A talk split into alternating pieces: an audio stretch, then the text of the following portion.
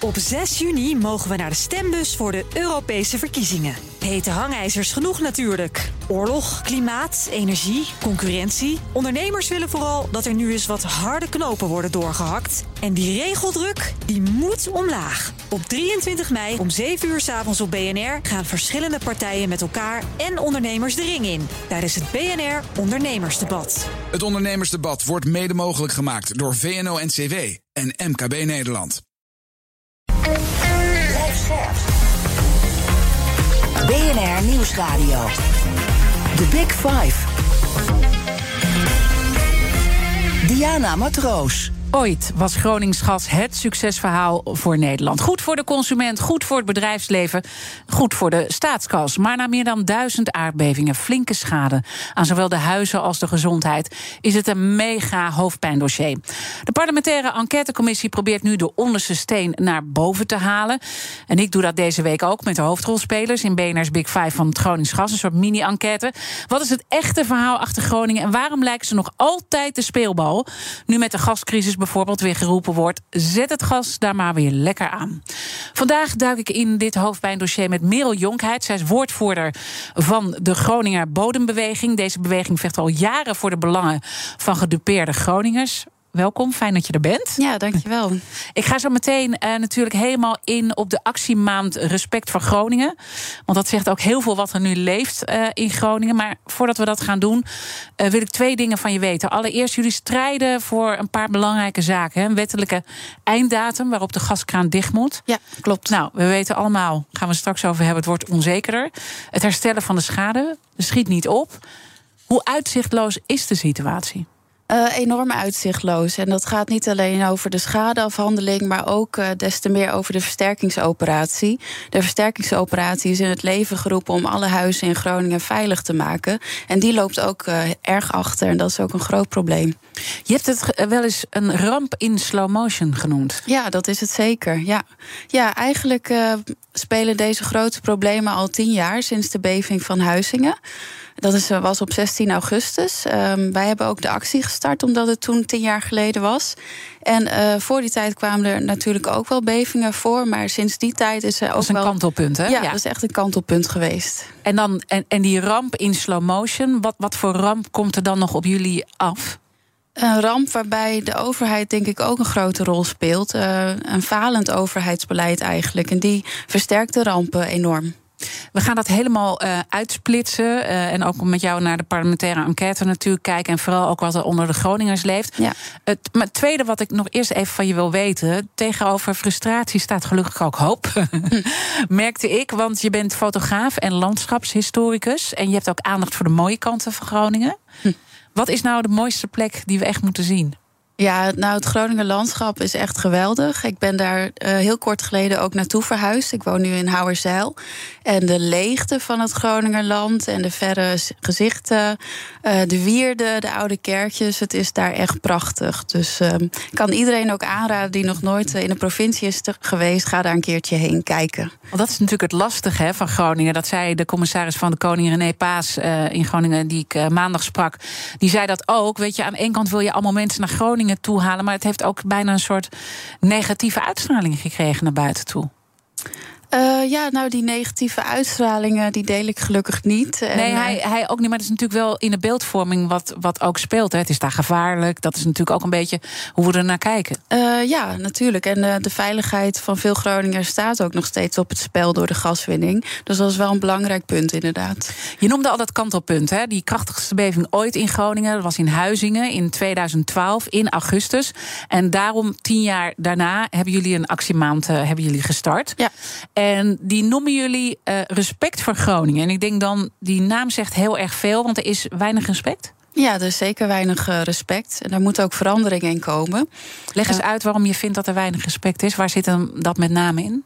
nou, ik denk dat Groningers worden soms een beetje neergezet bijvoorbeeld vanuit de overheid als tweederangs burgers. Het is een beetje toch gezien als een wingewest. Er is miljarden aan verdiend. Maar vervolgens worden Groningers toch wel veel in de kou uh, gelaten.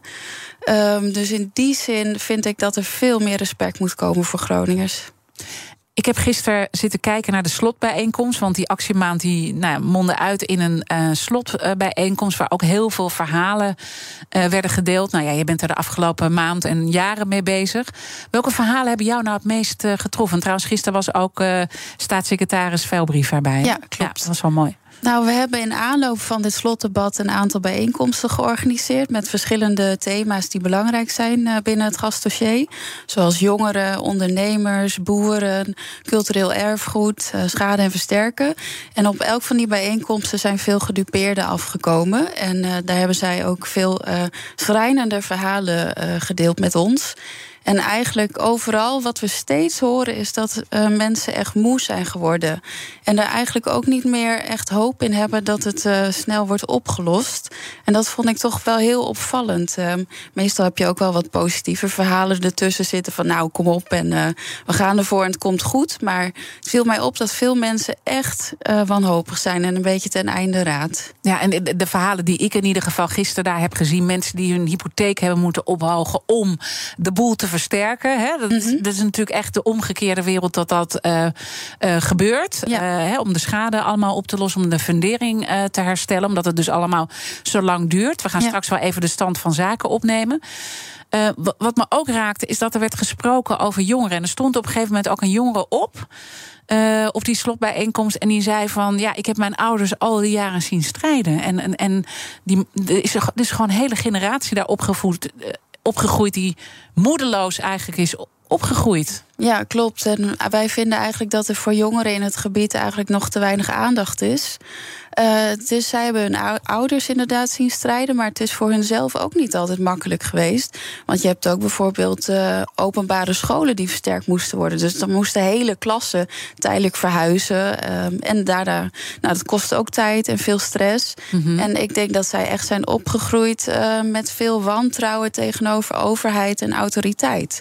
Dus wij zeggen ook van die jongeren verdienen het dat er decennia lang nu geïnvesteerd wordt in hun. En dan vind ik misschien nog wel de meest treffende uh, uitspraak die ik gisteren heb gehoord van de staatssecretaris zelf. Hè. Ik zei al, uh, veel brief was erbij. En het thema van de avond was macht en tegenmacht. Mm -hmm. En hij zegt dan ergens: Ik wil voor jullie strijden. Maar wordt heel veel druk op mij uitgeoefend. En dan kom ik ook bij, zet het Groningse gas maar weer flink aan. Hè? Die, de, wat, wat je nu van alle kanten hoort, ook tot aan een eurocommissaris uh, aan toe. En dan zegt hij op een gegeven moment: hè, ik, ik heb wel ook jullie nodig om die tegenmacht uit te oefenen. En gelukkig ben ik ook een boef. Ja. Ja, jij moet ook. Ik, ik vond dat boef, dat, daar zat zoveel achter dat hij dat zei. Ja, dat vond ik ook een bijzondere uitspraak. En natuurlijk willen wij niet meer boeven in de overheid, uh, maar gewoon uh, de menselijke maat terug. En uh, open en transparantie willen we daar. Um, ja, dat vond ik een bijzondere opmerking. En het viel mij ook op dat hij heel veel steun zoekt bij Groningers.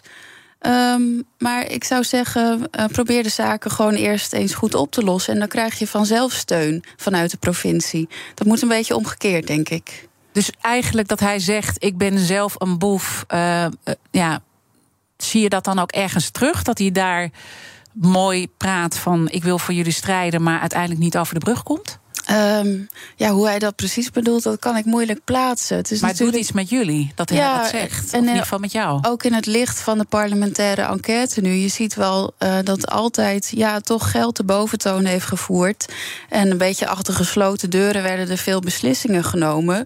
In die zin kun je wel zeggen dat het een beetje boeven waren. En dat systeem is misschien nu nog steeds ook wel een beetje hetzelfde. Uh, misschien verwijst de Hans Veilbrief daar ook wel een beetje naar. En dan denk ik, ja, tegenmacht. Er moet dus tegenmacht komen vanuit Groningen. Wat, ja, wat, wat kunnen jullie dan doen? Nou, we hebben wel geconcludeerd dat er nu eigenlijk bijna geen tegenmacht is. En wat we daaraan kunnen doen, dat is een hele moeilijke vraag. Maar uh, ik weet wel dat Groningers daarop zitten te wachten en dat dat ook echt nodig is. En als je dan nu hoort vanuit wetende dat je die tegenmacht dus niet hebt. Mm -hmm. En uh, dat er nu overal te horen is, uh, ja, we moeten gewoon dat Groningse gas weer volop gaan aanzetten. Wat, wat, wat, wat, wat doet dat dan? Ja, het zijn heel veel verschillende verhalen die je hoort uh, over de gaswinning in Groningen. We zien natuurlijk wel vanuit de st staatssecretaris en ook wel vanuit de overheid de geluiden dat ze niet in Groningen weer meer gas willen winnen. Um, maar ja, ze zeggen het is our last resort. Ja, hè? ja, ja, dat, ja dat alle, is al allerlaatste resort. geven. Ja, Ja. ehm, de, de gaskraan gaat ook wel heel binnenkort op de waakvlam. Ehm, het is een lastige discussie. Alleen het is absoluut geen oplossing voor alle problemen die nu spelen rondom de energiecrisis. Dat is ook wel al vaker hier aan bod gekomen.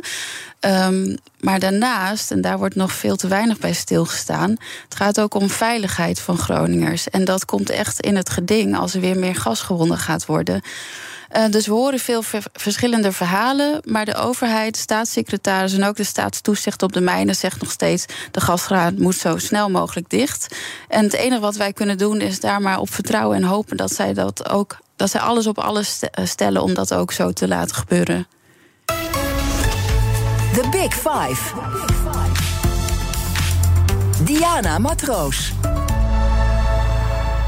Mijn gast vandaag is Merel Jonkheid. Zij is woordvoerder van de Groninger Bodembeweging. Uh, volgens mij doe je dit nu twee jaar? Ja, klopt. En we spraken elkaar voor de uitzending. Ik zei: dit is echt, ik vind dit echt een moeilijke Big Five. Uh, het, is, het is altijd complexe onderwerpen die we hier hebben. Maar ik, ik merk bijna dat het complexer wordt in plaats van makkelijker in, in deze week. En toen zei je: ik herken dat. Ja, dat herken ik zeker. En ik denk met mij iedereen die in het gastdossier zit en ook gedupeerden. Um, het is zo enorm complex. En dat komt ook doordat steeds het beleid rondom uh, de gaswinning en het gasdossier is veranderd. Dus er zijn steeds ook weer nieuwe regels gekomen. Het is heel erg moeilijk om dat bij te houden. Achter gesloten deuren is ook nog weer van alles gebeurd. En het is inderdaad, wat we eerder ook al zeiden, een ramp in slow motion. Het duurt al jaren en jaren. Dus enorm complex. En dan uh, zeg je, dan wordt er, nou, ontstaat er ook weer meer onrust over die opmerking. Zet het Groningse gas maar aan. Want dan zeg je de veiligheid Hè, want dat was eigenlijk nou ja, de win uh, van die vreselijke gebeurtenis in 2012 in Huizingen. Dat de beeldvorming begon te kantelen. Ja. En dat toen langzaam ook gesproken werd over een veiligheidsnorm. Hè. Die veiligheidsnorm is uh, uh, dat er een kans moet zijn van 1 op de 100.000 dat je kan overlijden. Dat is eigenlijk een kantelpunt die toen is geformuleerd. Ja, ja. En daar is daarvoor helemaal niet, hè? Nee, klopt. En daar is ook de hele versterkingsoperatie op gebaseerd. Mhm. Mm -hmm. Alle huizen moeten op norm zijn en dus veilig zijn. Uh, je zegt dat er vanaf 2012 een kantelpunt kwam. Maar dat duurde natuurlijk nog wel eventjes. Want uh, in 2013 is de gaskraan nog even verder opengegooid. En is er nog veel meer gewonnen. Um, dus ja, je kunt niet zeggen dat dat gelijk goed is ingedaald. En nee, dat iedereen niet. toen dacht van nou, we moeten het maar snel veilig gaan maken in Groningen. En ook pas in 2018 is natuurlijk besloten dat de gaskraan ook definitief uh, dicht gaat. En daar heb ik het deze week uh, ook over gehad. En we gaan straks ook nog wel even in die parlementaire enquête. Want er komt ook helemaal naar die ruis die er is aan alle kanten. Waardoor het zo complex is. Hè, waardoor Mhm. je eigenlijk bijna het niet meer begrijpt. En zoveel tegenstrijdige verhalen een soort mist uh, opwerpen. Maar je hebt gelijk. Uh, er werd uiteindelijk uh, meer gepompt. En dat was ook een beetje. Ja, de afdronk is toch wel. Het ging allemaal om geld. Ja, en dan zou je denken. Dat is eigenlijk. Weet je, ik hoop dus voor jullie in Groningen dat het niet gaat gebeuren. Maar, maar je merkt, het, eh, en dat is ook wat Veilbrief gisteren omschrijft. De druk is zo hoog om het Groningse gas uh, aan te zetten. Mhm. En dan zijn er een paar verhalen. Dus enerzijds um, um, zegt Veilbrief ook: het doet niks met de gasprijzen. Nee, klopt. He, dat is een soort mythe wat, wat gaat. En, Ja. en dat klopt niet. Maar het doet natuurlijk wel iets aan ons gastekort. Uh, nou, wij hebben in Nederland genoeg gas om de winter door te komen. En wat ook een groot verschil is, de Europese gasmarkt en ook het Russische gas, dat is hoogcalorisch gas. Wij hebben in Groningen laagcalorisch gas. En wij draaien, de, de Nederlandse huishoudens draaien op laagcalorisch gas. Maar dat is in Europa eigenlijk bijna niet het geval. Dus je kunt wel meer winnen, maar het is inderdaad niet zo dat het gastekort daardoor opgelost wordt. Het is inderdaad ook niet zo dat de gasprijs daarmee naar beneden gaat. En, uh, Want dat is een internationale markt. Hè? Daar kan je niet als Nederland Ja. alleen uit. Maar toch even over dat gastekort. Hè? Want dat vind ik toch uh, fascinerend. Want we lezen dan nu dat er. uh, nou ja, er zijn voorraden aangelegd. Ja. Hè, een 80 procent. Uh, dat zegt niks over onze gasbehoefte. Want op het moment dat we een hele strenge winter laten we afkloppen en dat we hem niet krijgen. Ja. Maar dan kom je dus toch in een tekort. En dan zou je kunnen zeggen: we hebben het toch nodig uh, uh, voor Nederland. Uh, nou, wij zijn in Nederland zitten we absoluut wel goed uh, met de energiedekking. Um, wij winnen ook gas om te verhandelen naar bijvoorbeeld uh, Noord-Duitsland, Noord-Frankrijk, omdat daar ook een aantal huishoudens op uh, laagcalorisch uh, gas draaien. Dus en we hebben ook een beetje verplichting, toch? Ja, dat solidariteitsmechanisme. Er zijn contracten uh, gelegd met buitenlandse afnemers en daar winnen we ook nog steeds gas voor. Dus daarin zitten we wel een beetje vast en gebonden aan die contracten. Dus dat zou inderdaad een probleem kunnen zijn. Maar Nederland aan zich, wij hebben niet zo snel een energietekort. Zou er een moment kunnen zijn uh, dat de Groningers zeggen. Uh, laat het toch maar gebeuren. En ik wil toch nog even ook de veiligheid, want dat benoemde ja. jij als belangrijk ja. punt. En een NAM-onderzoeker bij de parlementaire enquête, hij is trouwens hoofdonderzoek uh, bij de NAM, uh, Jan van Elk, die heeft uh, gezegd: het is technisch mogelijk om het komend gasjaar 20 tot 25 miljard kuub in Groningen te winnen. Jan Atema, die ik hier in de uitzending sprak, die zei ook: we zijn er klaar voor. Hm. Uh, maar wat die hoofdonderzoek van de NAM zegt, het heeft ook meteen gevolgen voor het aantal aardbevingen en de heftigheid ervan in het uh, gaswinningsgebied. Nog eens 600 tot 1000 panden in Groningen zullen dan niet meer veilig genoeg zijn. Dat is nogal wat. Uh, nou, wat ons betreft zijn dat er veel meer. Okay. Uh, dat er zijn namelijk uh, circa 13.000 huizen. Uh, die waarschijnlijk nog versterkt moeten worden. We hebben dus een versterkingsoperatie in Groningen. Dat zijn in totaal 27.000 huizen. Die moeten allemaal beoordeeld worden op veiligheid. En een deel daarvan moet daarna ook versterkt worden. En um, zij moeten versterkt worden zodat als er een zware beving voorkomt, van bijvoorbeeld vijf, dat we, dan weten we in ieder geval zeker dat iedereen veilig is. En dat is nu dus niet het geval. In naar schatting 13.000 huizen, dus ongeveer 26.000 mensen, die wonen op dit moment in een onveilig huis. Dus het is veel erger dan eigenlijk die hoofdonderzoek uh, van de NAM daarbij aangeeft. Absoluut. Binnen dat gegeven, um, is er een mogelijkheid voor de Groningers om te zeggen: zet het toch maar weer aan. Als er heel veel geld komt, als er uh, echt een soort noodplan nu uit de kast wordt getrokken. Ja, ik denk dat je dat uh, een gaswinningsgedupeerde nooit zal horen zeggen, omdat zij al jaren in zoveel ellende zitten door de gaswinning. Um, wij, ik zie ook niet een oplossing uh, als het wel uh, verder open gaat, de gaskraan. Uh, de overheid heeft, overheid heeft al jaren beloofd om ruimhartig te compenseren. Dat beloven ze nu ook al. Ja. Dat gebeurt niet. Maar daarnaast, wat, wat ik zo net al aankaartte, er zijn ongeveer 13.000 huizen nog onveilig. Hoe wil je dat doen? Hoe wil je die in korte tijd allemaal veilig maken? Dat is onmogelijk. Dus het is gewoon een no-go. Ja, absoluut. Echt vanwege de veiligheid. Dat is zo'n groot issue. Dat kan niet opgelost worden binnen, binnen een afzienbare tijd. Nee.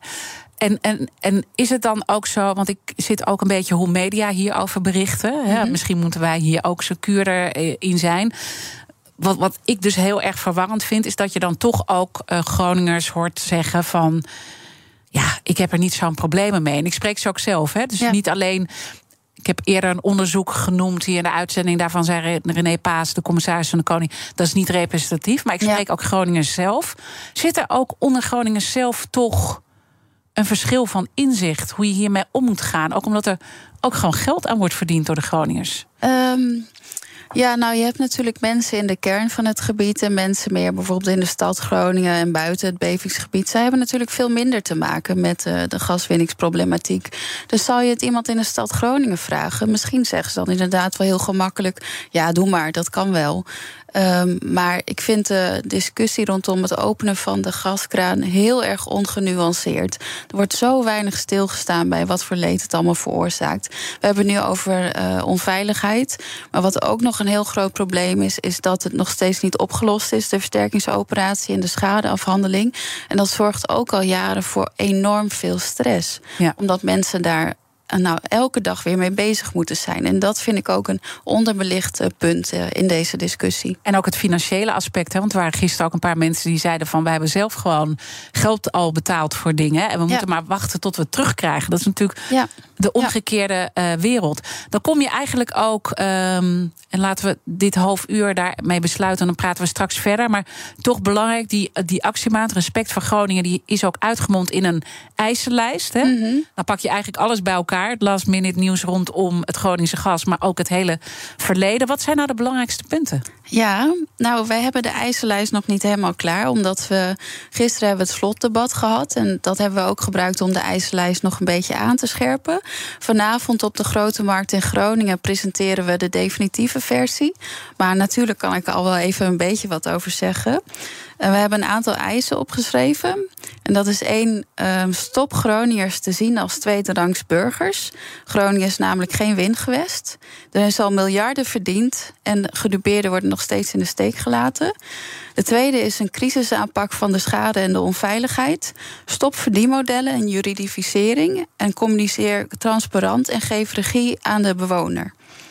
De derde is uh, geef complexe zaken prioriteit. Want we zagen heel veel complexe problemen. Bijvoorbeeld van uh, ondernemers, boeren en monumenteigenaren. En die moeten echt prioriteit krijgen. Want die mensen zijn echt tussen wel een schip geraakt. Het bewijsvermoeden moet op de juiste manier gehanteerd worden. Want we zien dat dat steeds meer wordt ingeperkt. En dan de laatste. Uh, wij willen een wettelijk vastgelegde einddatum voor de gaswinning. Want dat zorgt ervoor dat de problemen in de toekomst echt uh, opgelost zijn. Straks praten we daarover verder. Ook vanuit de uitzichtloosheid die je eigenlijk beschrijft. En uh, hoe, hoe, dat nou voor elkaar gekregen moet worden. En hoeveel okay. vertrouwen er is in Veilbrief. Ja. Zometeen met Merel Jonkheid van de Groningen Bodembeweging. Uh, en dan praten we ook over al die voormalig ministers tijdens de parlementaire enquête. Wat je daarvan vindt. Blijf luisteren. Op 6 juni mogen we naar de stembus voor de Europese verkiezingen. Hete hangijzers genoeg natuurlijk. Oorlog, klimaat, energie, concurrentie. Ondernemers willen vooral dat er nu eens wat harde knopen worden doorgehakt. En die regeldruk, die moet omlaag. Op 23 mei om 7 uur s avonds op BNR gaan verschillende partijen met elkaar en ondernemers de ring in. Tijdens het BNR Ondernemersdebat. Het Ondernemersdebat wordt mede mogelijk gemaakt door VNO-NCW en MKB Nederland. Hardlopen, dat is goed voor je. En Nationale Nederlanden helpt je daar graag bij. Bijvoorbeeld met onze digitale NN Running Coach... die antwoord geeft op al je hardloopvragen. Dus, kom ook in beweging. Onze support heb je. Kijk op nn.nl slash hardlopen.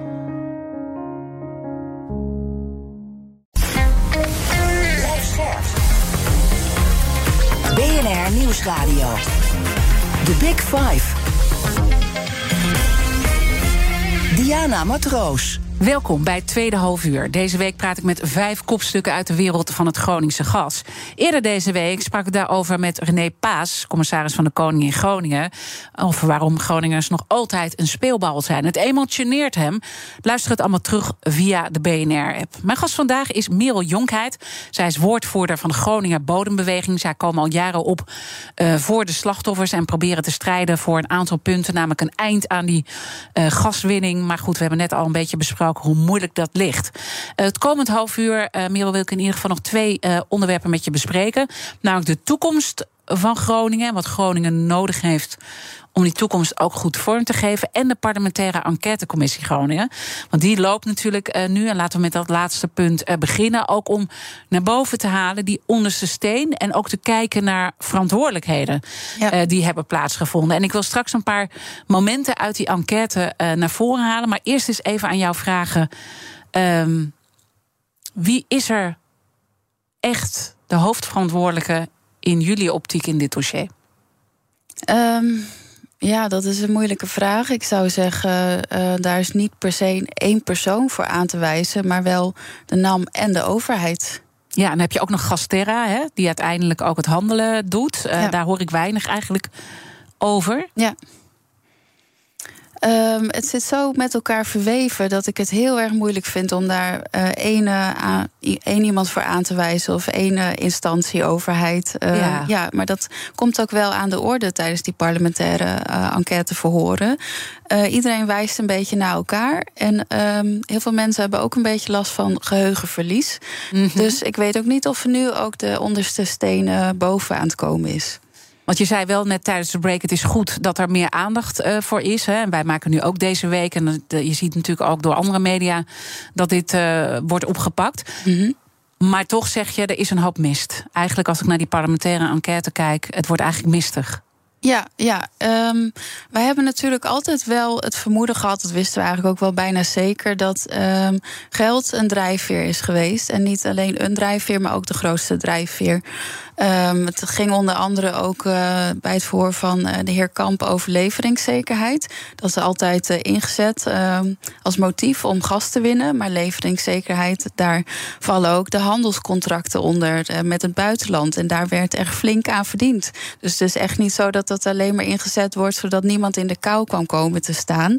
En dat hebben wij altijd wel ook geweten.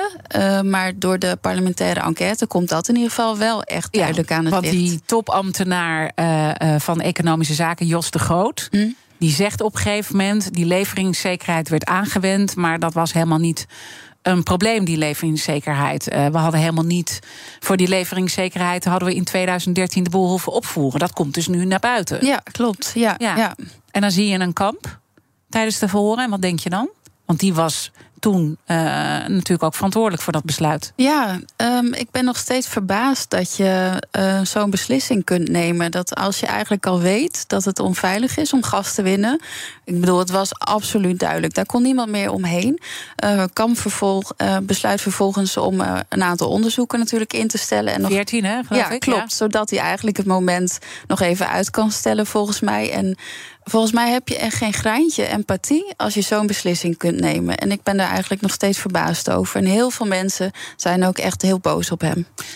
Toch, hij uh, wint ook aan. Ja, er waren heel veel tegenstrijdige berichten eigenlijk. Want uh, eh, TNO zei iets en het KNMI zegt uh, iets. En daarin werden ook allemaal tegenstrijdige berichten. Dus ja, ik had meer nodig. Dat, dat is in ieder geval ja. wat hij zei. Ja, mijn gevoel daarbij, en volgens mij klopt dat wel aardig... is dat gewoon een manier geweest om het nog even uit te stellen... en een beetje nou, in te dekken en toch nog even wat meer te kunnen winnen voor het geld.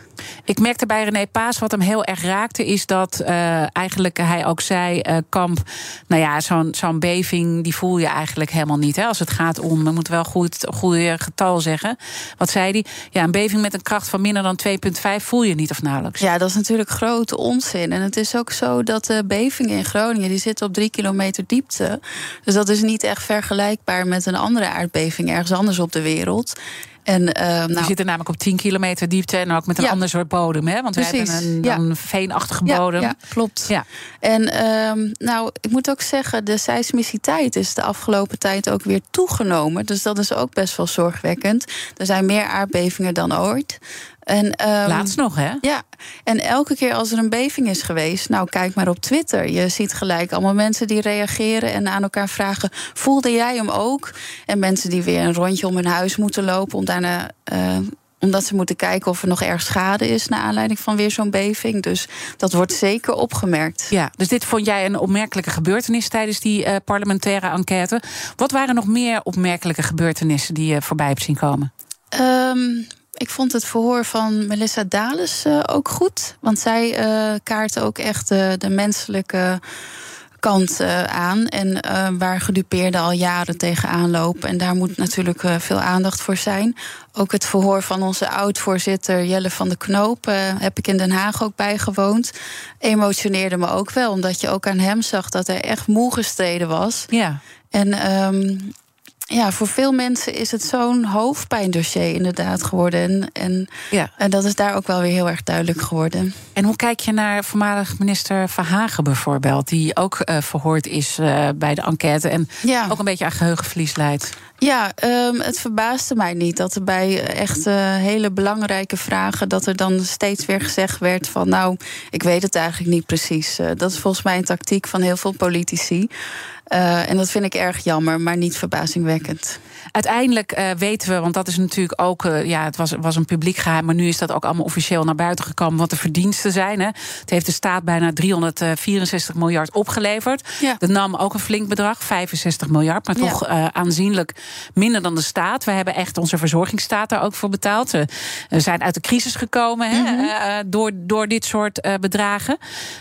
daarom weten wij dat het nu intussen geen succesverhaal is voor de grote Groningers, maar wel voor, voor de rest van Nederland. Ja. Je ziet dat de NAM eigenlijk door velen wordt aangewezen als de grootste veroorzaker van alle ellende in Groningen. En ik, ik denk dat het terecht is dat ze onder vuur liggen. En Atema geeft ook aan, de directeur van de NAM... Uh, die trekt er ook deels het boetekleed uh, aan. Ja. Wat ik fascinerend vind, is dat de woede niet veel meer naar de staat gaat. Als je kijkt Ja. wat die gewoon 90% van het bedrag hebben binnengeharkt... Ja. en nu uiteindelijk ook ja, de boel vertragen als je Ja. weer naar het nu eh, kijkt. En allemaal dure consultants te opzetten om dingen te controleren. Wat, wat, wat, Ja, dat maakt Wat- mij ook kwaad. En, eh, ik, hoe kijk jij ernaar? Ik vind het ook heel terecht dat er ook naar de overheid eh, gekeken wordt. En ehm, nou, we zien ook sinds ehm, 2018 is de NAM uit de schadeafhandeling en de versterkingsoperatie gehaald. Dus dat betekent dat de overheid eerst alles vergoedt en dan later legt ze de rekening daarvan neer bij de NAM. En dan regelen zij dat verder samen natuurlijk helemaal af. Ja. Ehm, dus je zou kunnen zeggen dat de overheid nu in staat is om het allemaal ruimhartig op te lossen en te vergoeden Wat voor ze zeggen, hè, dat Ja. beleiden ze met de mond, ruimhartig. Ja. Ehm, maar tot op heden gebeurt dat niet. En dan wijzen zij ook weer een beetje toch naar de NAM. Ja, we moeten de juridische aansprakelijkheid van de NAM afwikkelen. Dat is een beetje onze taak. En de NAM zegt, en dat zei Atema ook hier bij mij in de uitzending... ja, we gaan geen blanco cheque eh, dekken. Mhm. Eh, dus we willen eh, fa- facturen zien. We willen transparantie over het proces. En dat krijgen ze niet van de overheid. Ja. Hoe, lees jij dit alles? Het is... Eh, nou, het zorgt er in ieder geval voor dat de schadeafhandeling en de versterking uiterst moeizaam en traag verloopt. Dus dat is ook een groot probleem. Ehm, en ik begrijp ook niet waarom de overheid eh, niet zijn taak serieuzer neemt om voor haar burgers te zorgen. Dus inderdaad gewoon ruimhartig vergoed. En dan denk ik van, nou, dan vecht je later maar met elkaar uit eh, hoe je die factuurtjes betaalt. Ja. Nou ja, factuurtjes. Het gaat natuurlijk wel om grote bedragen. Maar dan nog, dat moet absoluut niet weer bij de burger neergelegd worden. En dat gebeurt nu wel. En je hebt natuurlijk ook een bewijslast. Hè? Want dat was natuurlijk Ja. in, in jouw eisenlijst eh een van de punten. Ja. eh, dat de bewijslast eigenlijk ook eh, misschien verkeerd wordt neergelegd. Ja, dus het wettelijk bewijsvermoeden is in het leven geroepen om Groningers makkelijker te maken. Dus als er bijvoorbeeld een schade is, dan alleen als er een aantoonbare andere oorzaak is dan de mijnbouwschade, dan hoeft het niet vergoed te worden. Alleen we zien in de praktijk dat het wettelijk bewijsvermoeden ook steeds verder wordt ingeperkt. Het gebied waar, waarbij dat geld wordt eh, steeds kleiner. En er wordt ook een, een trillingsstoel gebruikt. En dan kijken ze dus naar hoeveel, eh, hoeveel trillingen een beving heeft veroorzaakt. Als je daaronder zit, dan krijg je die eh, schade in de, in de randen van het gebied ook niet meer vergoed. Dus dat zijn steeds dingetjes waarvan ik denk van ja, moet je dat wel doen als overheid? Moet je niet gewoon denken, we gaan alleen maar ruimhartig vergoeden en die Groningers eens goed helpen? En, en misschien zitten daar ook een paar Groningers bij die misschien dan misbruik maken van een regeling. Want Ja. eh, die zijn er vast en zeker ook. Hè, dat Ja. er een heel mini-mini scheurtje en die komen dan ook. Het is ook een businessmodel. Ja, Hoe klopt. erg dan ook, hè? Ja. Dat is dus Maar vreselijk. waarschijnlijk zijn ze zelfs ook nog wel goedkoper uit als ze het wel gewoon ruimhartig doen. Want wat ze nu allemaal steken in uitvoeringskosten, onderzoeken, daar gaat ook een vermogen naartoe. Ja, nou echt, het is gigantisch Ja. hè, wat daar bovenop wordt gelegd. Ja, zeker. Oké, laten we straks kijken hoe we uit deze impasse komen. Op 6 juni mogen we naar de stembus voor de Europese verkiezingen. Hete hangijzers genoeg natuurlijk. Oorlog, klimaat, energie, concurrentie. Ondernemers willen vooral dat er nu eens wat harde knopen worden doorgehakt. En die regeldruk, die moet omlaag. Op 23 mei om 7 uur 's avonds op BNR gaan verschillende partijen met elkaar en ondernemers de ring in. Tijdens het BNR Ondernemersdebat. Het ondernemersdebat wordt mede mogelijk gemaakt door VNO-NCW en MKB Nederland. Hardlopen, dat is goed voor je. En Nationale Nederlanden helpt je daar graag bij. Bijvoorbeeld met onze digitale NN Running Coach... die antwoord geeft op al je hardloopvragen. Dus, kom ook in beweging. Onze support heb je. Kijk op nn.nl slash hardlopen. BNR Nieuwsradio. The Big Five. Diana Matroos. Je luistert naar BNR's Big Five van het Gronings Gas. Woensdag sprak ik met NAM-directeur Johan Atema over de gaswinning in Groningen. Hij geeft fouten toe, maar kijkt ook heel kritisch naar de rol van onze overheid. Het gesprek is terug te luisteren via bnr.nl. Mijn gast vandaag is Merel Jonkheid. Zij is woordvoerder van de Groningen Bodembeweging. En ze komen op voor de slachtoffers uh, in Groningen. Uh, toch nog even over de NAM, want um, je wijst ook echt heel duidelijk naar die overheid. Hè, die natuurlijk de grootste uh, nou ja, deel van het geld ook heeft gepakt en nu ook de boel traineert. Wat daar nou achter zit, daar, daar komen we maar moeilijk achter. Hè? Ja, klopt. Ja. ja. Uh, um, hoe kijk je naar de NAM? Um, deels verantwoordelijk. Zij zijn natuurlijk de uitvoerder geweest uh, van de gaswinning. Dus dan moet je ook een verantwoordelijkheid nemen. Maar dat hebben ze in opdracht gedaan van de overheid. Dus uh, wat mij betreft hebben zij gedeelde verantwoordelijkheid. En, en mogen ze ook zich iets anders opstellen nu, vind je? Ja, absoluut. Uh, het is natuurlijk nu aan het licht is gekomen hoeveel zij ook hebben verdiend uh, aan het gas in Groningen. Vind ik het echt wel nog schrijnender dat zij zo moeilijk doen over het uitkeren uh, van schadevergoeding en uh, versterking. Ja. Dat ja. heb ik hem ook inderdaad wel nou ja, gevraagd. En dan ja. zegt hij: Ja, maar ik kan toch geen blanco checks dekken? Ja, nou, ik zou het toch maar doen als ik hun was. Ja. uh, mijn gasten stellen elkaar vragen via de kettingvraag. En in de vorige aflevering sprak ik mensenrechtenadvocaat Jan van der Venis. Het lukte hem in 2019 om de VN een flinke tik op de vingers te laten uitdelen richting Nederland vanwege het Groningse gasdrama. En hij had uh, deze vraag voor jou. Ja, Merel, allereerst bedankt en fantastisch wat jij en wat jullie allemaal doen in Groningen als David tegen Goliath. Maar mijn vraag aan jou zou zijn: is wat heb jij nou echt nodig? Niet alleen op korte termijn, maar wat hebben jullie en jij als Groningers nodig voor de toekomstige generaties uh, van mensen en medeleven in Groningen? Ja, wat hebben jullie nodig? Ja, uh, daar is niet zomaar een uh, kippenklaar antwoord op te geven, denk ik. Ik heb er natuurlijk wel even goed over nagedacht. Allereerst wat we nodig hebben om echt uit de problemen in Groningen te komen, is het stoppen van de gaskraan. Want zelfs al als de gaskraan is gesloten, dan komen er nog bevingen voor. De grond heeft namelijk tijd nodig om te stabiliseren en dat kan zomaar tien jaar duren. Mm -hmm. Dus om zeker te zijn dat we op de lange termijn uit de problemen komen, moet de gaskraan eigenlijk zo snel mogelijk dicht. Dat is heel belangrijk.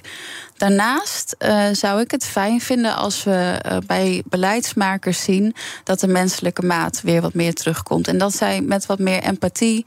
Um, bijvoorbeeld met Groningen omgaan. Maar volgens mij geldt dat op heel veel dossiers. Um, we zien nu dat um, het alles wordt juridisch aangevlogen. En dat is echt ten nadele van heel veel gedupeerden. En mm -hmm. van heel... Want jullie moeten natuurlijk vechten tegen een heel cordon ja. met juristen ja. van de NAM. Ja. Van de overheid, van de en, staat. En je ziet ook en jullie dat, zijn heel klein. Ja, je ziet ook dat beleidsmakers, uh, bijvoorbeeld uh, ministers bij uh, EZK, die wisselen ook om de haverklap. En die zijn misschien wel heel erg goed in besturen en ehm, goed een verhaal vertellen. Maar zetten zij zich ook echt daadwerkelijk in voor Groningers? Groningen is natuurlijk best een eindje weg van Den Haag. Maar dat is wat wij ook voor op de lange termijn nodig hebben als ja. we willen dat het goed gaat. En dan sprak ik natuurlijk die mensenrechtenadvocaat uh, gisteren. Hè, en um, we hebben het ook gehad over rechtszaken. En jullie voeren natuurlijk ook wel rechtszaken hè, via ja. de Raad van, van State. Onlangs zijn jullie niet in het gelijk gesteld. In het verleden wel. Hè, hebben jullie voorkomen dat Stef Blok, uh, die wilde meer weer pompen. Ja. Uh, dat dat niet is gelukt. Ja. Maar jullie hebben ook tegenslagen. Toch zou je denken, moet er niet gewoon... En dan en, en bedoel ik ook die macht en tegenmacht, hè, waar die avond over ging gisteren, die slotbijeenkomst de staatssecretaris Veilbrief zegt: Ik heb tegenmacht nodig, ook vanuit Groningen. Hmm. Moeten jullie niet veel ja, harder de druk opvoeren? Moeten we niet gewoon, zoals we met de Urgenda-zaak hebben gezien, dat ja. je een soort grote club als, nou ja, Milieudefensie zou dan niet kunnen in jullie verband, maar misschien wel een Amnesty International, dat je gewoon ja. een hele grote rechts. Want anders, ik, ik ben bang dat jullie gewoon aan het kortste eind trekken. Ja, nou, we zijn natuurlijk een vereniging. En de mensen kunnen allemaal lid worden van ons via onze website. Ja. ja. uh, en uh, als we heel groot worden, kunnen we misschien nog meer doen. Dus uh, ik zou wel iedereen willen vragen ja. om lid van ons te worden. Misschien helpt dat. Maar, maar zijn jullie zelf bold genoeg? Want, want eigenlijk ja, wij geef je aan van... we zijn allemaal een beetje moedeloos. Ja. En, en ik snap ook... Um, je kan je zeggen van... joh, staat nou de staatssecretaris er echt in? Hè? Mm -hmm. Want beleid hij niet te veel met de mond. Maar je proeft wel, hij wil voor jullie strijden Maar hij zegt: de druk is zo groot. Ik heb meer tegenmacht ook nodig vanuit Groningen. Ja, maar wij strijden heel hard. Maar niet iedereen ziet natuurlijk wat we allemaal doen. Maar uh, we hebben bijvoorbeeld ook een strafzaak lopen tegen de NAM. We zijn elke maand in gesprek met de NCG, het IMG.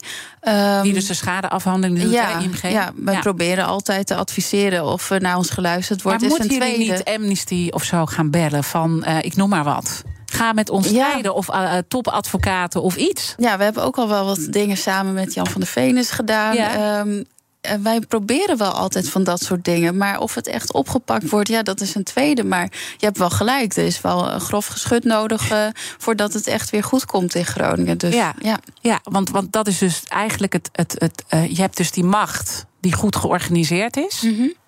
Want is dat een beetje de afdronk die je ook krijgt van het hele proces? En als je nu ziet bij die parlementaire enquête, het draait om geld en uh, macht.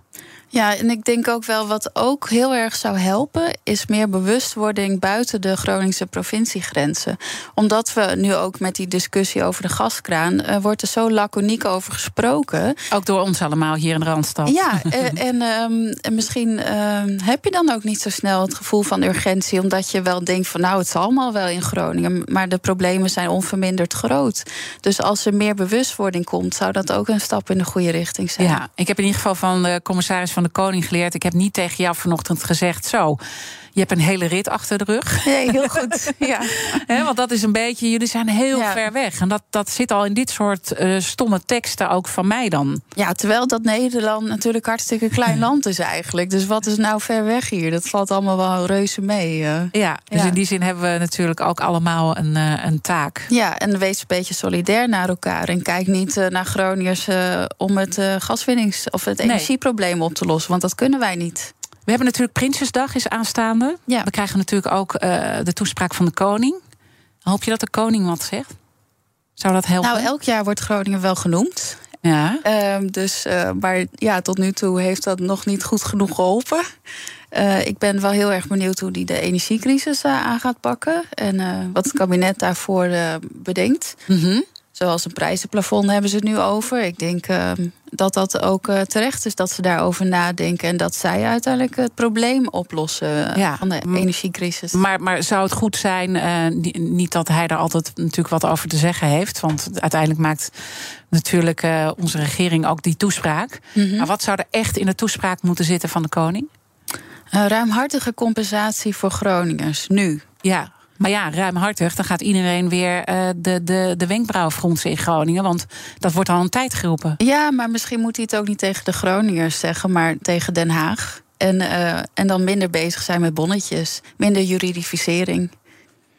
Een laatste zaak die wij moeten verrichten, want we zijn eigenlijk nog lang niet klaar met dit onderwerp.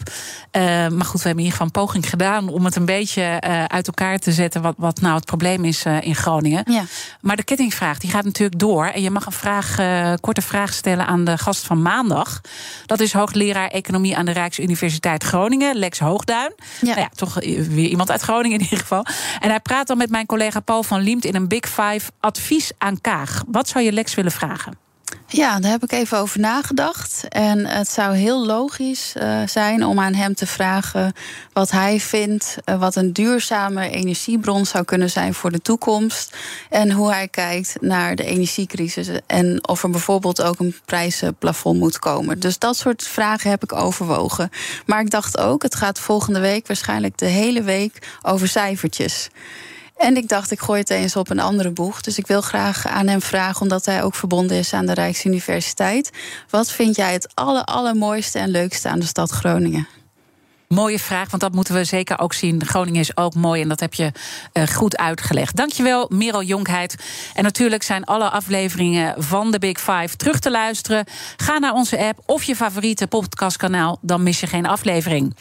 Maar blijf vooral live. Zometeen Connor Klerks met BNR breekt. Ik wens je een mooie dag en een prachtig weekend. Op 6 juni mogen we naar de stembus voor de Europese verkiezingen. Hete hangijzers genoeg natuurlijk. Oorlog, klimaat, energie, concurrentie. Ondernemers willen vooral dat er nu eens wat harde knopen worden doorgehakt. En die regeldruk, die moet omlaag. Op 23 mei om 7 uur 's avonds op BNR gaan verschillende partijen met elkaar en ondernemers de ring in. Tijdens het BNR Ondernemersdebat. Het ondernemersdebat wordt mede mogelijk gemaakt door VNO-NCW en MKB Nederland.